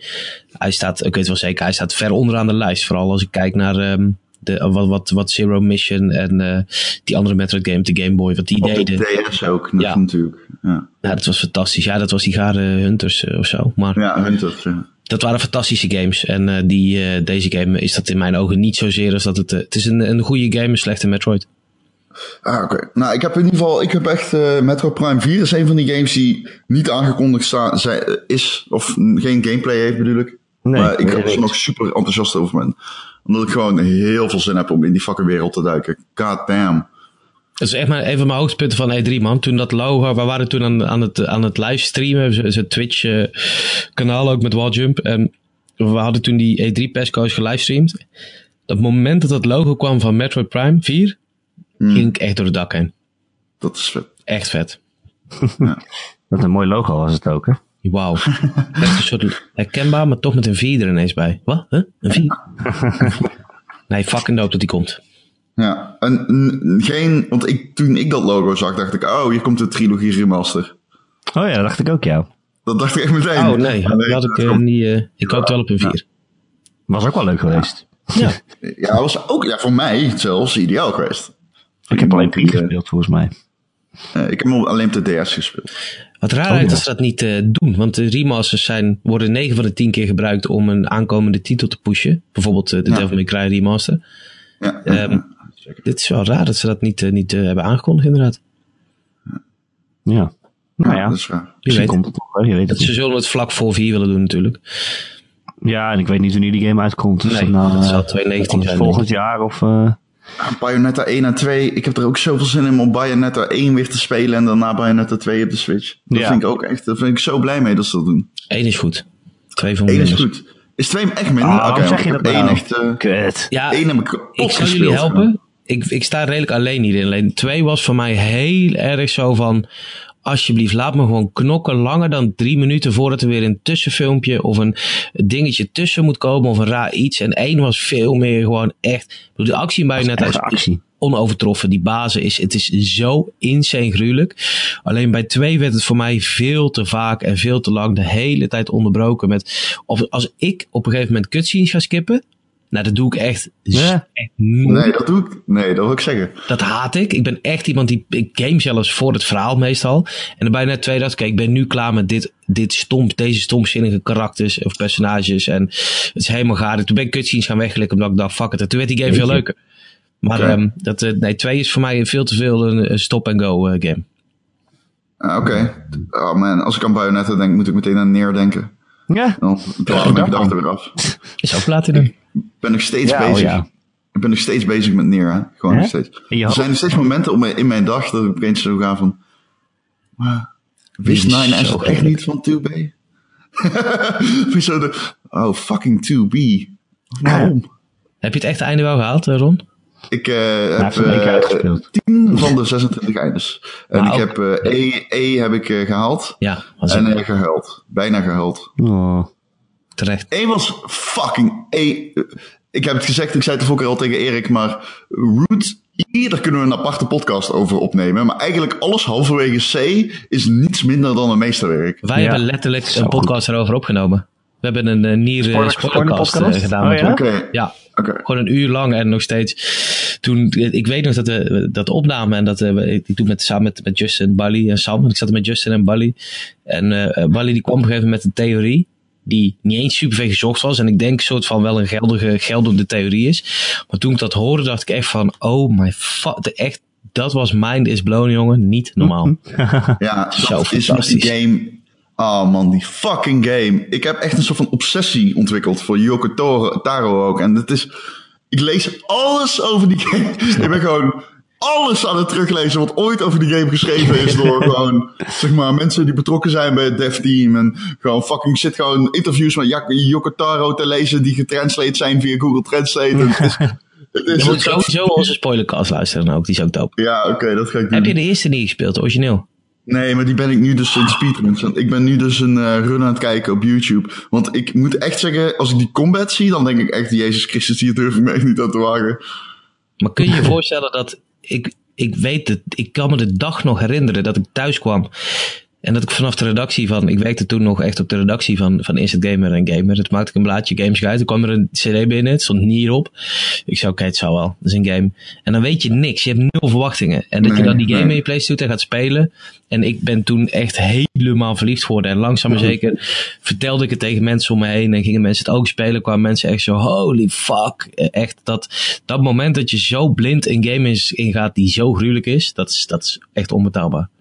Ah, ik zit er dus zelf aan te denken om de voorganger van die game, Drakengard, Ja. eh, Ja. op de kop te tikken op eBay. Die zijn, die zijn vrij zeldzaam. Ik eh, heb ze hier in de kast staan. En ze zijn Ja? fantastisch. Alleen ehm, de twee probeer ik al heel lang Europees zeg maar, aan te komen. Ja, En dat is een eh, klusje, kan ik je vertellen. ja ik, heb, ze- ik heb ze op eBay zien staan. Ze zijn eh, wel te koop voor gewoon geld. Dat niet Gewoon belachelijk duur is. Oh, Wel geld. dan ga ik ook even checken. Maar Europese. Europese versie? Eh, ja, Paul. Ja. Ik ga eens even checken. Het zijn echt het, precies hetzelfde. Gruwelijke games. Waar ik in die tijd ook niks van verwacht had. Speelde ik ze. Toen dacht ik, holy fuck. Gruwelijk. Ja, het is, maar het, ik, man, Neer, elke keer als ik terugdenk aan Neer, dan, het, die game voelt zo persoonlijk voor mij. Het is echt alsof die game gewoon met de hand gemaakt is door iemand en die het zo van overhand en zegt, hier, have fun. Weet je wel? Alles aan die wereld voelt handgemaakt. Het is zo fucking goed gedaan. God damn, fucking Neer Automata. Ik zou die game echt nog twintig keer opnieuw kunnen spelen en dan voel ik nog steeds hetzelfde bij die game, denk ik. Dat is lekker, hè? Ik moet ook uh, bedenken, Lekker, ja. ik moet al denken aan uh, Cavia. Cavia Inc. Dat is een studio die... Uh, Cavia? Um, ja, Cavia. Dat is de studio die uh, uh, Drakengard maakte. En die hebben ook van die andere games. Die hadden... Wat hadden ze? Bullet Witch. Ik weet niet of je die nog kent. Bullet Witch? Nee, die hebben wel die Resident Evil dinges gedaan. Maar verder weet ik er niks ja, van. Die aim, aim shit. Ik weet niet precies meer hoe of wat. Maar ik geloof ze ook... Ze hebben die uh, dan ook zeg maar Nier hebben ze natuurlijk gemaakt. De originele. Um, maar die hebben zo'n specifieke stijl. En zo'n specifiek iets raars superveel gemaakt, toch? Ook gewoon neer, toch? Ja, ja, ze hebben originele Nier en Bullet Witch en uh, Drakengard gemaakt. Maar uh, ook, ook inderdaad heel veel van die Japanse dingetjes. Wat, wat One Piece en inderdaad wat Resident Evil spin-off dingetjes. Um, um, maar die... Zij bestaan niet meer. Ik heb het even Wikipedia. Oh. Ze zijn wel kapot. Ja, deze zijn kapot. Ja, dat, daar baalde ik echt ontzettend van. Maar um, nee, fantastisch man. Een hele bijzondere, rare studio is dat. Maar wel lachen. Maar ook even een hele dikke shout-out naar iedereen die gewoon de funding heeft gegeven aan Yoko Taro om die game te maken. Ja, tuurlijk. Want echt een waanzinnige zet als je erover nadenkt. Het is niet zo dat Neer was gewoon een cult game. En door Autom Automata is die game gewoon opeens serieus te nemen nu. Of Automata, of hoe je het, ik weet nog steeds niet hoe je het nou echt nee, uitspreekt. Ik, ik, heb hem Aan het einde van de game ja. wordt het uitgesproken. Oh, echt? Ja, ik denk ik dat heb het het... Automata is. Maar zo spreken ze het ook in Siberia uit. Dus. Ze zeggen Automata, zeggen ze. Echt? Automata aan het oh. einde van de game, ja. Okay. Ja. Het is heel uh, bizar. Ik heb de verhaal van mij verteld. Ik heb Yoko Taro uh, een keer geïnterviewd. Samen met de man van uh, Square Enix. En de, de, daar de producer, zeg maar. Oké. Okay. En um, daar kwam de vraag natuurlijk ook van... Oké, okay, goed, het is cult en iedereen die het gespeeld heeft wilde het. Maar het zijn niet zoveel mensen. Hoe kwamen jullie erbij? En zij zijn echt een... Zij zijn met z'n tweeën zo'n raar duo. En zitten elkaar continu, er is continu zeg maar banter tussen die twee. En die allebei zo van, ah oh, dude, ik had echt eigenlijk geen zin om weer met hem samen te werken. En dan zei die producer van, ja die Taro, hij is echt fucking gek. En uh, ik had echt, uh, het is gewoon niet te volgen, is niet te doen om te werken met die man. Gewoon waar die bij zat, zaten met z'n tweeën. Heel on-Japans is dat, om zo over elkaar te praten. En toen zeiden ze eigenlijk ook, die Taro ook van, ja ik wilde echt ook niet met hem samenwerken. En ik wilde het ook niet doen. Maar ik heb gezegd, als ik het doe, dan moet ik wel nog gekker gaan dan in Nier 1. Omdat mensen toen niks verwachten en ze kregen iets. En nu ze dat verwachten, moet ik dat toppen door er nog meer overheen te gaan. En dat die andere guy zat van ja, toen zakte mij de moed al in de schoenen. En ik dacht van jezus, dan gaan we weer met die freakshow. Ja, superleuk, die twee bij elkaar. En dat, dat, dat, um, uh, en ik moet zeggen, ik had ook zeker mijn twijfels dat Platinum het maakte. Daarom is mijn enthousiasme tot het laatste moment beperkt gebleven. Maar um, nee, fantastisch joh. Echt ik denk dat meer, oh, ik denk echt dat hij in mijn top 10 beste games ooit gemaakt staat. Wow. Zo goed. Ja, ik, vind, ik ben geop, maar je, je onderschat vooral niet hoe geobsedeerd ik ben door die game. Echt, dat is niet normaal, hè? Ik ben benieuwd jij er over zeven maanden over praat. Want bij mij is het wel een beetje bekoeld. Ja, het, het zou kunnen. Ik moet zeggen, het, het enige wat mij aan wat die game tegenstaat, en dat staat me nog steeds tegen, is ehm het. In het begin dacht ik al de hele tijd van, oh, het is een lelijke game. Wat is het lelijk? Maar uiteindelijk vind ik het niet lelijk. Het is juist een heel, het zijn heel, het is een heel menselijke omgeving. Maar je ziet wel, Het is bland. het is juist, precies. Maar wel hand, nogmaals handgemaakt. Ja. Ook dat met die eh, fu- Fugitive Camp, weet je wel. Dat stukje daarvoor met dat meertje en zo. En dat groen met die flats. Dat is echt... Als je daar voor de tiende keer komt, dan kun je ervan genieten, zeg maar. Dan denk je echt, wow, dit is eigenlijk best wel mooi. Maar het is wel makkelijk om in de valkuil te stappen van, oh, maar dit is zo bedoeld en dit geeft dit weer. Terwijl ik denk van, een Dat- grasveld had je ook gewoon mooi kunnen maken in plaats van... Ja. Nou, daar wilde ik dus heen. Want wat, ik, wat me tegenstaat aan die game is ehm, de actie. Ik snap best wel dat het beter is dan neer. Maar ik vind het nog steeds zo dat die game. Die game had. eh, kijk, laat ik zo zeggen. De gameplay van die game is eigenlijk niet zo goed. Maar het had nooit beter geweest als film of boek. Dus dat is zeg maar een soort van contradictie die heel raar is. Want dit is echt een verhaal dat alleen verteld had kunnen worden als game. Ja. Maar er zit shit in die game die eigenlijk niet zo goed als game. Bijvoorbeeld de combat vind ik niet zo goed. Het hacken, het hacken is ook niet heel erg fucking boeiend of zo. Nee, het, is allemaal, het, het blijft allemaal een beetje hetzelfde eh, het niveau zitten. Maar het komt Ja, omdat de verhalen doet allemaal dat veel hetzelfde zijn. En, Bayonetta doet dat veel beter. ja, Ja, natuurlijk, maar noem je Ja. er ook een. Nee, de, maar ja. Devil dus, dus er wel- valt- al die games zijn net allemaal even eh, qua actie eh, een stapje beter. ja. En toch is het een, eh, een meesterwerk. Echt zo. Eh, we hebben een vraag van een luisteraar. Van eh, Bert. Bert die mailde mij op erik.gamer.nl. En die zegt... eh, hij heeft een vraag aan Ron. Ron.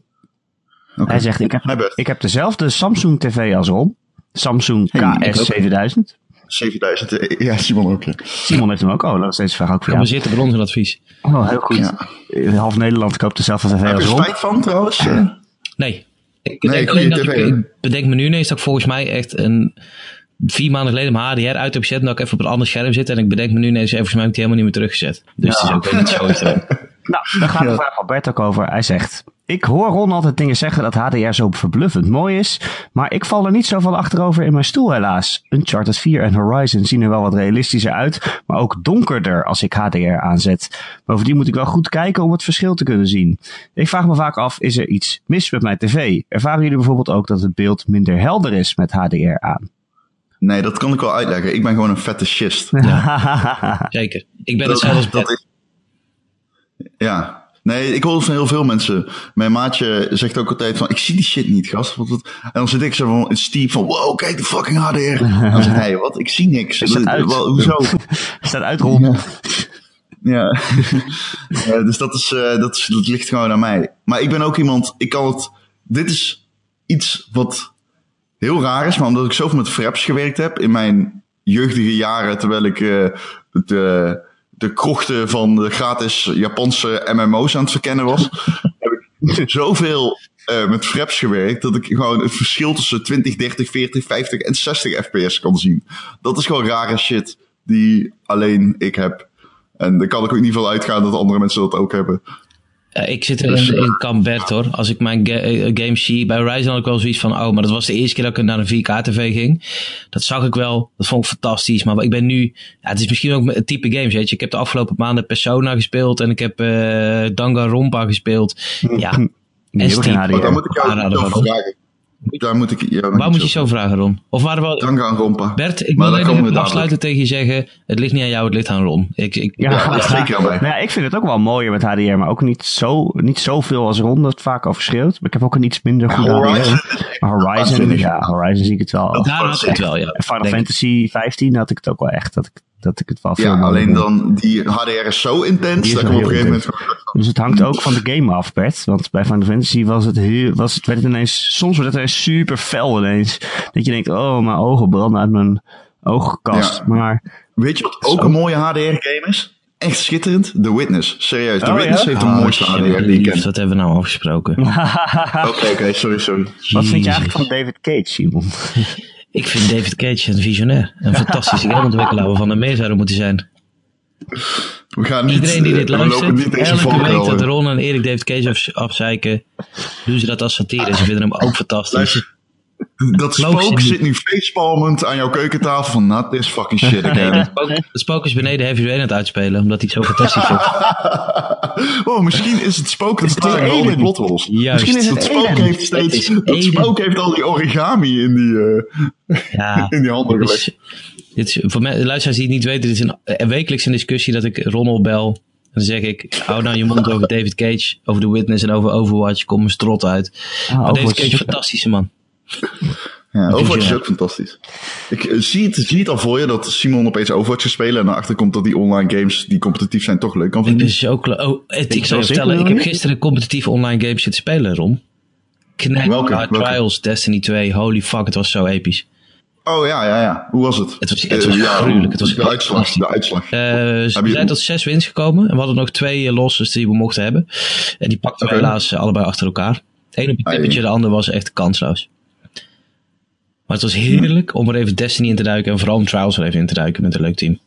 Ah, ik heb zin in Destiny, man. Ja. Als ik jou erover wil praten, is meteen... helemaal Ik heb meteen die dopamine stookt in mijn fucking hersenen.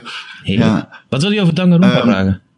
Eh, die game is... Ik heb jou erover gehoord vertellen in de Walljump podcast. Like, subscribe. En ehm, die, die shit is, klonk veel leuker dan 999. Nee, Klonk, klonk. niet. Eh, nee. Dan, dan, die, dan die serie. Nee, die, dat is, ik, ik vind het niet een betere serie, maar ik vind het wel een gruwelijk vette serie. Danganronpa is gruwelijk vet, alleen de Zero Escape trilogie is wel een van de beste dingen die ik ooit gespeeld heb. Dus dat, dat, die durf ik niet in dezelfde lijn te zetten. Maar, dat gezegd hebbende, als je een beetje iets in dat straatje zoekt wat wel net iets anders is, Danganronpa is fantastisch, is echt fantastisch. En Wat is de setup? de setup is dat er, eh, je wordt wakker in een school. En eh, je hebt een talent, een gruwelijk talent. En eh, er zijn 15 kinderen die dus ook wakker worden, die hebben ook dat talent. Alleen die school is gewoon overal afgesloten. Je weet niet wat er gebeurt. En dan komt er een moordzuchtige teddybeer tevoorschijn. En die zegt: Jongens, jullie zitten in de killing game. Ehm eh, één iemand gaat hieruit komen. Je moet elkaar vermoorden. En als je moord gepleegd hebt, dan komt er een rechtszaak. En als niet de hele studenten, alle overgebleven studenten, zeg maar, de schuldige aan kunnen wijzen, dan gaat de schuldige vrij uit. Dan wordt de rest vermoord. Dus, en iedereen die heeft bijvoorbeeld de ultimate baseballer, de ultimate eh, pianist, de ultimate eh, karate persoon, weet je wel. Het zijn allemaal kinderen met echt hoogbegaafde talenten.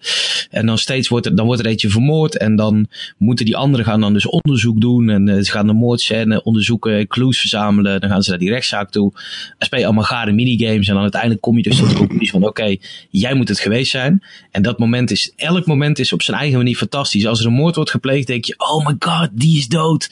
En holy fuck, wie zou het gedaan kunnen hebben? En het is altijd op de meest, zeg maar, elaborate manieren dat die moorden gepleegd worden. Dus je moet echt hele complotten en alles moet je uit gaan zoeken en tijd vaststellen en zo.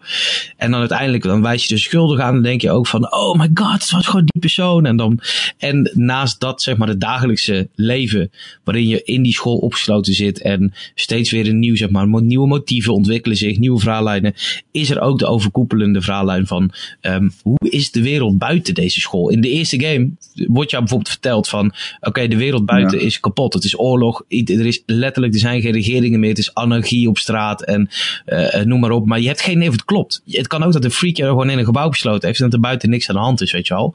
En dat, dat was in deel 1 was dat heel tof, in deel 2 ging dat nog verder. En nu in deel 3 is zeg maar die, die metavertelling. Die hint wel echt naar insane shit. Dus ik ben echt, eh, ja, ik vind het fantastisch. Echt, echt fantastisch. Klinkt fucking, fucking vet. Klinkt, Het is, gru- het is gruwelijk. Klinkt Als je er eens zit, ja. kom je er niet meer uit tot je hem uitgespeeld hebt. Dat zweer ik. Ja. Ja, ik had dat bij eh Virtuous Last Reward. Is die derde, hè? Was die tweede? Help me even. Tweede. Het is de tweede Virtuous Oké, Last oké, Reward. ja, die- ben ik aan het spelen. Ik ben wel mee gestopt. Maar Ah, kut is, ik ben vergeten te saven. En nu moet ik dus zo'n Oh. hele fucking timeline opnieuw doen. Dat is kut. Ja, dat is echt kut. Want ik was Ja. op het, wat ik, het- ik heb een einde gehaald. Dat einde was weird. Jongen, ik kan niet eens beginnen. Het is zo fucking raar. Ehm, jij weet nog niks. Erik en ik weten al hoe het Ja. eindigt. Dat is pas van einde holy fuck, raar. mind is blown. En deel 3 ook. Oh man, ik ga misschien nog wel spelen. hoor. ik zou het doen. Het, is- het is hetzelfde als met 999. Dat er, die hebben ook vorig jaar die Nonary Games Collection. Dat deel 1 en 2 zeg maar naar de PS4 kwamen. Ja, drie staat er ook op inmiddels trouwens. Oh, is dat zo? Ja, ja, ja. 3 staat er ook op. Gewoon een gratis download of zo? Yes, en hij was laatst in de aanbieding voor 12 euro. Oh, wat fantastisch. Ja, Buddy bij ons, die heeft hem ook gekocht. Die is helemaal wild van, terwijl het helemaal niet zijn genre is. Maar ehm, eh, dat is met Danganronpa ook. 1 en 2 zijn gewoon naar de PS4 gekomen. Bij- Begin vorig jaar. 3 ligt er nu een paar maanden in de winkel. Ik heb 1 en 2 in één ruk uitgespeeld. En, en toen moest ik wel eventjes stoppen, want je hebt wel... Als je gaat spelen, Nee, dan heb je wel die intro van... Oké, je moet even wachten en even... eh, ehm, nee, maar het is eigenlijk geldt voor allebei die series. Ze hebben alle drie... eh, of alle drie de, de Nonary games, zeg maar, maar ook die Danganronpa games. Je komt ergens, je weet niet wat er aan de hand is. Er moet een hele cast van 15, 14, 16 personages voorgesteld worden.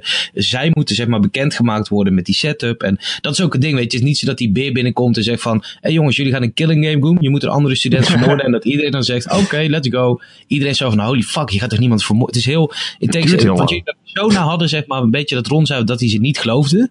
Ja. Ehm, dat zei je vorige week in de podcast. Ja, ik ja. doe het ook trouwens. Dat is in Danganronpa voor mij een ding dat ik heel erg zeg maar mee kan in. Oh ja, dit zou inderdaad wel een reden kunnen zijn onder die omstandigheden voor op een gegeven moment de studenten te zeggen van oké, fuck it, ik ga nu die kill maken. Want ik moet. Dat ze dat gevoel Dat hebben. En, en alleen dat betekent wel dat er een lange introductie aan vooraf gaat. En als er eenmaal een moord gepleegd is, dan weet je ook van oké, dan is iedereen on edge. En dan is het hek van de dam. Dat ah, dat klinkt vet, man. Ja, het is heel vet. Ja, ik heb trouwens letterlijk, eh, letterlijk, ik zeg het fucking letterlijk als, serieus, Erik, het jij moet letterlijk me heel vaak. proactief gaan verbeteren, letterlijk. Figuurlijk. Ja, Ehm, dit is eh, echt waar wat jij zegt. Je hebt hem in één ruk uitgespeeld, want ik zat ernaast. Je hebt negen uur lang achter elkaar die fucking 999-serie zitten spelen. Ja, Nee, nee, dat nee, is uur? Games. In 999 uur. Nee, die game was. eh ja. Dat was Virtue Glass Ward, denk ik, die toen Ja, speelde. dat denk ik ook. Ja, ja, ja. Ik besef me nou opeens dat ik een shot uit het einde opeens nu voor geest haal. Wat ik Echt? Zien bij jou, ja. Oh my god. Was dat Durf ik spook? niet te zeggen. Zal ik het typen in Zenkast? Typ het in zijn caster. Ik ben heel benieuwd. Ron V Oh. is typing. Hè? Oh ja. nee, dat was niet het einde. Oké. Dat is het einde. Oké, Nee, oké. Oh, maar, maar oh ja, wacht. Ja, dit is heel kut voor iedereen die luistert. Laten we er niks over zeggen. Maar, eh Dat is die, een rare manier om dingen niet te spoilen. Ja, Ga gewoon ik, nu luistert. luister jullie naar de tik van eh toetsen. Nee, maar ik heb met Danganronpa 1 en 2, die bedoel ik eigenlijk, die heb ik ook in één ruk uitgespeeld. ehm, eh, non-stop. Ik wil nog even één game, eh, want we zitten al op een uur inmiddels. Ik wil even één game eh, nog even uitlichten die ik gisteren heb gespeeld, die ook oud is. Persona 5. Nee, ja, nou, Persona 5 ben ik wel nog mee bezig. Ik weet nog steeds niet wat ik van die game moet vinden. dus eh, het gaat maar door. Moeten wij het er even snel over hebben? Want Ja, ik wil er nog iets over zeggen, naar aanleiding van wat Ron vorige week zei. Doe ik ben een groot Persona-fan, maar ik ben 100%, dit is zeldzaam, ik ben het 100% letterlijk eens met wat Ron allemaal zei. Letterlijk eens? Letterlijk eens. Nee, ik, ik heb het, eh, 4, Persona 4 is voor mij, eh, ehm, ik, ik aanbid die game. En ik heb 5 ook weggelegd, ook een beetje op hetzelfde punt als waar Ron zat. Voornamelijk vanwege dezelfde redenen. Ik geloof de personages niet. Ik vind ze niet interessant. Ik heb er niks mee. En dan houdt het zo snel op bij die game. Dat is echt verbazingwekkend. Hm. Dat, dat de gameplay kan dat niet redden. Dat vond ik echt, eh, dat was Nee, best ja. shocking. Omdat ik het, Je speelt het eigenlijk Ja. wel onder setting en om al je klasgenootjes. En ja, het is zoveel praten, dus je moet het eigenlijk je moet ze wel leuk vinden. Anders, eh anders schiet het niet zo op, nee. En dat had ik in vier ontzettend. En ik, ik, ik, ik vind ook nog steeds, wij hebben er ook wel eens bij onze podcast discussie over eh, en onderling. Ik ben nog steeds 100% besta ik voor iedereen die zegt het is een weergeloze game en ik vond het fantastisch. Alleen als je in een kamp zit dat je die personages niks vindt, dan wordt het ineens echt een hele opgave om die game te blijven Ja, spelen. dat is het hart van die game. Ja, Als- Dan, eh, Ja, dan vind zeker. ik er geen uit. Dat heb ik ook een beetje. Ik moet wel zeggen, ik, ehm, die combat, je zit allemaal van die special moves en zo. En ik heb wel zin om mijn cast met personages uit te breiden en te kijken wat er dan weer allemaal mogelijk is. Ja. Dus dat is wel een, voor mij een reden om die game te blijven spelen. Maar Eh, Simon, dus is dat het, ben ik nog wel aan het doen. Simon, is het niet ook eh, zo, want het eerste personage dat je ontmoet is, is Ryuji. En dat is echt een lul. Dat is gewoon een Dat lul. is echt een lul. Dat is echt een lul. maar die vind ik nog niet eens zo heel verkeerd. Dat is echt een lul. Maar in Persona 4 was de eerste die ontmoette was Yosuke. En dat is ook een lul. Ja, maar ik vond Joost, Joost Kees sowieso fantastisch. Alleen het gaat mij, denk ik, voornamelijk om het één stapje verder terug nog. Het hoofdpersonage. Ja, mij ook. Ja. Dat is Dat- altijd en- een soort van scholenlei en blanke... Nee, nee, nee. Maar, maar bij vier kwam, hij kwam in ieder geval een beetje in die, die countryside-achtige, of in ieder geval uh, um, uh, niet in de drukke stad. Hij woonde gewoon bij zijn de oom of zo, die gewoon chill was en dat dochtertje. En hij had gewoon, er was gewoon een fijne guy om zoiets te hebben van, yo, I'm rooting for you. Weet je wel, ik, ik vind je dope, ik, ik hoop dat het goed met je gaat. En bij deze guy, ik weet niet eens hoe die heet, maar ik denk van, ja, 9 van de 10 keer zegt hij ook niks. En uh, die guy waarbij die in dat cafeetje zit, de, die elke keer weer, ja, het, na drie maanden hoef je niet meer elke dag tegen iemand te zeggen: hé, hey, je moet je wel gedragen, want anders loopt het mis. Ja, oké, okay, maar die gast, ja, als je hem dan ook nog, als je vrije tijd met hem doorbrengt en een beter leert kennen, valt het allemaal ook wel weer mee uiteindelijk. Dat geloof ik 100%. Alleen dat, ik ga dat punt gewoon, ik zit er nu 20 uur in, weet je wel, of ja, 25, misschien wel 30. En dat punt ga ik niet meer. Ik, ga, ik ga gewoon niet. Ik ben niemand iets verplicht. Ik ben die game niks verplicht, zeg maar. Die game had mij moeten pakken in deze tijd. En dat hoofdpersonage staat me echt, echt, echt tegen. Op Hmm. echt actief, zeg maar. Ja, en dan Persona 4 zei die toch ook niet dingen. Alleen op nee, die momenten dat jij zelf niet kon kiezen, zeg ja, maar. misschien dat het daar de setting was. En de personages die uh, ik daar tegenkwam, die ik leuker vond. En het hele concept en die teddybeer vond ik ook leuker dan Morgana. Die, Morgana vind ik best leuk. Ah, maar, Morgana um, is zo leuk. Ja. Maar nee, de Persona 5 is mij uh, kwijt. En het scheelt misschien ook dat 4 mijn eerste was. En dat ik van 5 daardoor bepaalde ja. verwachtingen heb. Het is ook wel zo'n beetje weer hetzelfde natuurlijk. Weet je, als, als, als 4 je eerste was en dan denk je, oh, ik, ik moet nu weer een nieuwe groep vrienden opbouwen. En dan moet je eigenlijk hetzelfde ja. trucje nog een keer doen. En, en, en als je die mensen leuk vindt, misschien, dan denk je alleen maar terug aan dat je nog in die andere klas zat vorig jaar. En uh, toen je op de middelbare school zat in plaats van, weet ik het, op de HBO of zo. Dat je dacht, kut, dat waren echt mijn vrienden en daar heb ik die shit mee beleefd. En deze mensen op deze nieuwe school vind ik helemaal niet zo leuk.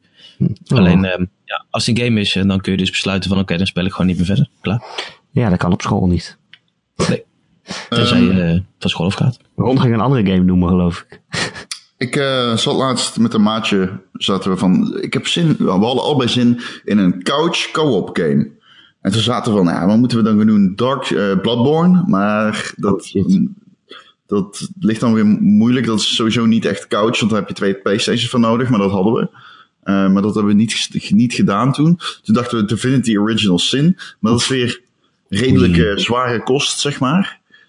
Um, dus gingen we de PlayStation Store op en uh, daar viel mijn oog op een game die ik al heel lang wilde spelen. En het heet uh, um, Overcooked. Oh. Ik wou Overcooked zeggen. Dat is zo'n goede ja. game. Ik dacht dat je die ging zeggen. Ja, ja, ja. En het is een fucking briljant vermaak. Je, we zit, je zit dus met z'n tweeën dus op dezelfde monitor uh, te staren terwijl je roept... Eén hamburger, één hamburger, ik heb broodje nodig. Waarom heb jij het vlees nog niet geslagen? het is net alsof je daar... Ja. Je bent echt... Zo. Want wat het is, je runt een keuken en het draait erom dat je met z'n tweeën een goed geoliede machine wordt. En de een snijdt het brood, de ander bakt de de, de, het vlees, de ander slaat het vlees. En uh, de levels zijn top-down, dus je kijkt naar beneden op de keuken. En um, het is wel 3D overigens. Um, maar je, kijkt dus neer op de keuken en je ziet elkaar op het beeldscherm. En je moet dus steeds producten op de lopende band zetten om ze in te leveren. Uh, gerechten moet je dus klaarmaken. En je prepareert ze met z'n tweeën. En soms moet je één handeling doen die je pas kan doen als de ander die gedaan, uh, een ander ding gedaan heeft. Bijvoorbeeld vlees kun je pas bakken als het platgeslagen is, een hamburger dan. Um, en die fucking wisselwerking tussen die mechanics is zo waanzinnig briljant dat het echt een van de leukste couch co-op games is die ik in jaren heb gespeeld. Ja, 100% waar. Ik heb hem ook met, met, met mijn vriendin uh, helemaal 100% gehaald. Het is zo... Je leert er ook wel van communiceren of zo. Dat klinkt heel, heel stom. Alsof het een educatieve ah, game is. Maar het is wel echt, want in het begin zaten we een beetje ons eigen ding te doen. En dan vloog er ergens midden in het scherm vloog er iets in de fik. En dan was het zo van, hé, maar jij was dat toch aan het doen? Uh, of je bent allebei een hamburger aan het maken en dan heb je geen sla, weet je wel. Dan heb je twee hamburgers. Maar dan op een gegeven moment leer je wel dat je gewoon tegen elkaar moet zeggen: Yo, doe jij de hamburger? En dan, dan doe ik hier ja. de sla. En dan pak jij de tomaten. Ja. Het is echt wel grappig. Als je eenmaal in die flow zit in die game, van de een doet dit, de ander doet dat. En je bent op elkaar, je zit zelf op de, je zit allebei op dezelfde frequentie. Je kan trouwens, het is twee, drie, vier spelers. Je kan het ook in je eentje spelen, maar nee, dat kan, kan dat eigenlijk. Ja, kan. Ja, Volgens mij kan dat, maar, maar dat, dat is niet niet, lijkt me niet echt aan te bevelen. Ja, met z'n tweeën is het beste. Ook omdat sommige levels dan, die zijn bijvoorbeeld, die bevinden zich op een, een ijsschots. En dan kun je elkaar dus van het level aflopen. Als je dat met drieën doet, nou, ik kan niet eens beginnen met omschrijven waar, hoe, hoe, hoe erg die hel is. um, maar die game is echt fantastisch. ja, als je samen op dezelfde frequentie zit en je doet allebei precies hetzelfde op de, ja, of juist precies het goede bedoel ik. En ja, fuck, dat is zo goed. Simon, heb jij nog wat leuks gespeeld? Uh, buiten Danganronpa 3 dus, waar ik vuistdiep in zit. Serieus iedereen, check, check 1 en 2. Ik ga die game spelen. Um, Destiny 2. Ik ben uh, terug in Destiny gedoken na een lange afwezigheid. Het was, ik, heb, ik schrijf voor Power Limited. Daar vroegen ze naar de teleurstelling van het jaar. Dat was voor mij Destiny 2. Ja, voor mij ook. Toen ging je spelen, toen vond je het toch wel leuk. Nee, ik, ik uh, vond het altijd al leuk. Alleen het is wel een teleurstelling in de zin van... ik had ervan verwacht dat het mijn nieuwe hangout zou zijn. En dat ik het altijd zou blijven spelen. Net als Destiny 1. Waar ik letterlijk duizenden uren in heb zitten. Um, en ik denk niet dat 2 dat gaat halen. Daar was ik teleurgesteld in dat ik die zo snel weglegde. Maar ik heb nu wel even cursus voor Cyrus gespeeld. En ik vind het gewoon weer heerlijk dat ik weer even kan levelen. Um, de, de boys waarmee ik speel, uh, waaronder Ron, zijn ook weer uh, back in action. Dus uh, de, de raid gaan we afmaken ja. deze dagen. We zijn gisteren weer voor het eerst in een lange tijd... Um, onze, onze, onze Twitch-kanaal van Walljump, zeg maar. Daar hebben we eigenlijk de laatste weken slash maanden was heel veel dat één iemand dat streamen was. Dezelfde jongen, Justin. En we hadden eigenlijk zoiets van, joh, eigenlijk is het meer, ja, toch denk ik onze kracht ook om samen die shit te doen. Dus we zijn gisteren weer gewoon met z'n vieren online op de stream en trials gaan spelen. Wat een beetje de, de uh, top tier competitive mode in Destiny. En dat was waanzinnig leuk. En, en ja, ik zit wel voorlopig weer eventjes in Destiny. Cool. Ik ben uh, begonnen met The Last Guardian. Oh shit. Ik, uh, ik uh, moet hem ook nog spelen. God damn, moet ik veel games spelen. Wat zijn jullie gek? Hoezo heb je die niet gespeeld? Ja, ik snap het ah, ook niet. Ik, hem, oh, ik, vond niet zo, uh, ik vond het de eerste twee uurtjes vond ik uh, teleurstellend as oh, fuck. Hoe Ja, kan echt. dit nou? Ja, omdat die, dat beest luisterde niet Echt, naar mij, man. Ja, maar dat, deze, dat doet hij, gaat hij ook niet doen. nee, ik ben al best wel ver volgens mij, al wel over de helft. Uh, Oké. Ik ben echt in één keer door aan het spelen, want ik vind het echt super fantastisch. Ik hou zo van Trico. Het, Oh mijn god, ik vogel, poes, uh, hond. Uh, ik ben echt nog nooit zo instant verliefd geworden op een gamepersonage, denk ik. Het is wel echt heel heftig. Want het begin, ja, iedereen heeft het begin al wel eens gezien, denk ik. Er zijn heel veel previews over geschreven. Dan ligt dat beestje heel zielig op de grond aan een ketting met allemaal speren in zijn zij. En dan wil je hem proberen te helpen, maar dan is hij heel bang. En dan wordt hij dan ook agressief van. Want het is gewoon, het is zo sneu. Ik word de hele tijd half aan het janken als ik het spel aan het doen ben. Jezus. Ik, deze game is zo... Uh, ik, heb vorig, ik had vorig jaar echt moeilijk, omdat ik een top 3 had met zeg maar uh, Zero Escape. Dit is en The Last Guardian. En Final Fantasy 15. Dus ik moest echt een, uh, daar moest ik echt lang tussen kiezen. Maar Last Guardian is uiteindelijk op 2 gekomen. En ik heb ook de afgelopen week heb ik een vinylspeler gekocht. Met allemaal, omdat ik allemaal game soundtracks in huis had, al best wel lang, op vinyl. Ja. En waaronder die van The Last Guardian. En nu ik, die, ik ben die muziek dus een beetje aan het luisteren. En dan gewoon, ik krijg, ik krijg gewoon weer kippenvel. Wat zo mooie game is dit. Ja, en ik vergeet, ik vergeet ook gewoon af en toe dat ik een game aan het spelen ben. Dat vind ik eigenlijk het knapste. Omdat die Trico wel uh, echt voelt. Kijk, je kan maar zeggen, uh, heel, heel veel mensen zeggen dat hij van ja, hij luistert niet. En uh, dat is ook wel zo. En soms duurt het gewoon twee minuten voordat hij doet wat je zegt. En dan denk je, oh, ik... Hij luistert ook wel steeds beter terwijl je gaat spelen. Ja, dat is wel raar. Alsof hij echt leert. Maar ik snap wel dat het irritant is dat als je gewend bent dat je met een game aan het spelen bent. En weet je, ik druk op X en er springt en je springt. Of er springt iemand. En bij Trico is dat gewoon niet zo. Het is niet je drukt op X en hij doet zijn actie. Het is je drukt op X en dan, nou ja, dan kijkt hij een beetje, kijkt hij een beetje om zich heen. En dan uh, nou, ja. loopt hij misschien naar je toe. En dan kijkt hij heel lief naar je en zo van, ja, wat moet ik nou eigenlijk doen? En dan wijst je naar boven van, oh, ik wil eigenlijk hier naar boven klimmen. En dan kijkt hij om naar, naar, dat, naar dat ding wat dan boven is. En dan denkt hij, oh, wil je daarheen? Oh, nou ja, zouden we eventueel kunnen doen, ja. Uh, misschien dat ik hier dan uh, even naar boven spring. En dan ben je net op hem aan het klimmen om ook naar boven te gaan. En dan springt hij weer naar beneden. En dan denk je, ja, ik was er net bijna, lul. Uh, maar het is, wel, het is wel echt een dier. Ik bedoel, daardoor voelt het wel gewoon het echt. Ja. En dan vind ik hem ook extra zielig als hij in de problemen zit, weet je wel. Want dat zit hij heel vaak. En dan is hij aan het piepen. Daar is hij erg goed in. Ja. ja. Nou, het ergste is dat als jij dan door een deur loopt waar hij niet doorheen kan. En dan steekt hij zo zijn hoofd door het deurgat. En dan flappen zijn oren ja. zo naar voren. En dan gaat hij zo hard piepen, zodat hij mee wil. En dan denk ik, ja. oh, maar ik moet hier puzzels oplossen met Pico. Er zit ook ergens een moment zit er in de game, en dit spoort niks om, maar dat je even zonder hem bent en dan ben je zelf iets aan het doen wat hij er niet doorheen paste. En dan hoor je hem opeens zeg maar schreeuwen ja. dat er iets aan de hand is of zo. Ah, jongen, dan echt, dan, dan, dan klopt je hart en dan niks boeit meer. Die hele fucking, de, welke motherfucking puzzel je dan ook het oplossen bent. Dan ligt er een pot met goud of gewoon een knop om direct naar het einde te gaan. het enige wat dan telt, is, ik weet niet hoe, maar ik moet zo snel mogelijk terug naar Trico. En wie er ook iets met hem aan het kutten is, die moet ik aanpakken. En ja, dat is, is zo goed. Het is Oh, ik haat zo'n jullie. mooie game. Ik fucking haat jullie. Ik heb zoveel games die ik moet spelen en nu ben ik weer opgetuigd. En het schiet niet op zo, jongens. Het schiet gewoon niet op. Ja, deze moet je spelen, Ik man. ben dus al- oh, en ik heb hem bijna een paar keer weggelegd uit pure Ja. frustratie. Ja, Zeg dat maar, ik ik je meer frustrerend dan dit. Christus, wat een frustrerend spel, zeg. Oh. Ik heb het omgezet, Ron. Het is echt de moeite, man. Het is echt, echt... Je gaat van niemand zoveel houden als van Trico. Oké, oké, fuck it, ik ga hem spelen. Ja, ik heb hem toch al. Hij is HDR, mooie reden. Ik speel, ik speel dus heel langzaam, want ja, eigenlijk kan je er volgens mij best snel doorheen. Maar ik ga, je hebt ook een knop, daarmee aai je Trico. De aai-knop. Ja, En dat ben ik ook tijd aan het doen. ik noem die bij mij thuis de 10 uur knop. En soms steekt hij dan zijn hoofdje zo naar je toe en dan kan je hem met je kin Oh. aaien. Krabbelen. Oh, Ik hou van die boy. Ah, Trico. hij is zo lief. Ik kan het gewoon niet geloven. Nou, ik ben blij voor jullie. Eh, en, ik, en als ik hem dan uit heb, dan eh, er schijnt ook nog een, een VR-ervaring te zijn. Ervaring. Ja, die is nieuw. Een ervaring. Eh, ja, en dan kan je dus echt naar Trico kijken. Nee, niet echt, maar in VR. Niet letterlijk echt, maar figuurlijk echt. Ron. Eh, en Ja. dan kan je hem Ik ga er aaien. echt naar hem kijken. Ja. Ik kan wel letterlijk kijken, maar niet letterlijk echt. Eh, en ja, en dan kan je Trico aaien en zo. Nou, dat, daar heb ik heel veel zin in. Mooi. Stom, hè? Ja. Geeft Liefde. liefde. Ehm hey, als je nog meer liefde wil, dan is er volgende week eh, maandag weer gewoon een nieuwe Gamer.nl podcast. Die kun je namelijk eh, downloaden via onze website gamer.nl op maandagochtend. Of eh, ja, luisteren via YouTube of via Soundcloud of Stitcher of zo.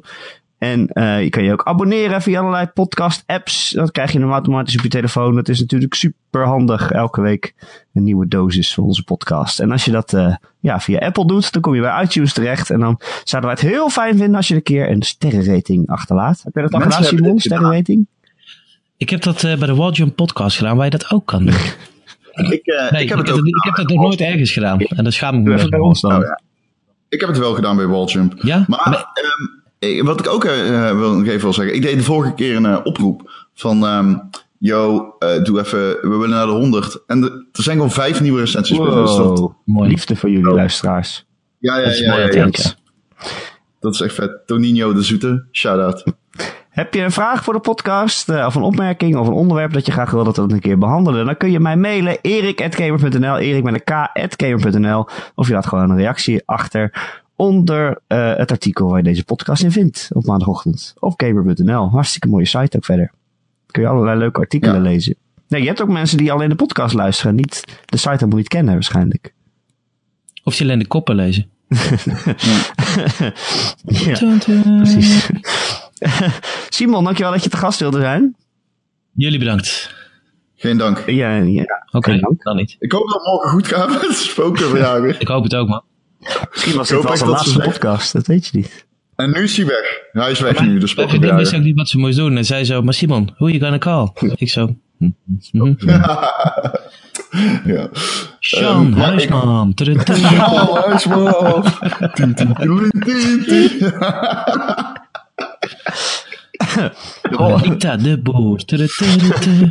Nee, ik heb geen idee. Ron, ook bedankt.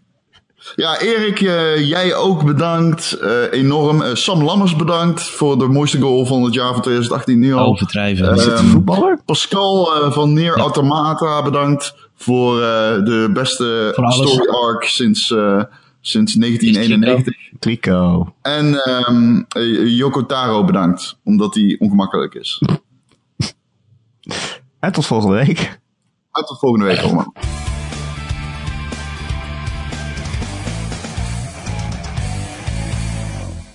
De laatste keer dat Simon in een podcast zat was volgens mij in L.A. En toen heb ik echt letterlijk bijna in mijn broek gescheten van lachen. Toen het spokenverhaal. Oh, ja. Over spookverhalen gesproken. Morgen komt een vrouw in mijn huis spoken verdrijven. Ja, nee. Ik zweer het je. 100%. Dit is 100% waar. Morgen om drie uur is de afspraak. Ik maak geen grapje. Heb je spoken in huis? Ik denk sowieso één. I kid you not. dan? Jeroen krijgt een hartaanval. Misschien dat ik het na de podcast moet vertellen.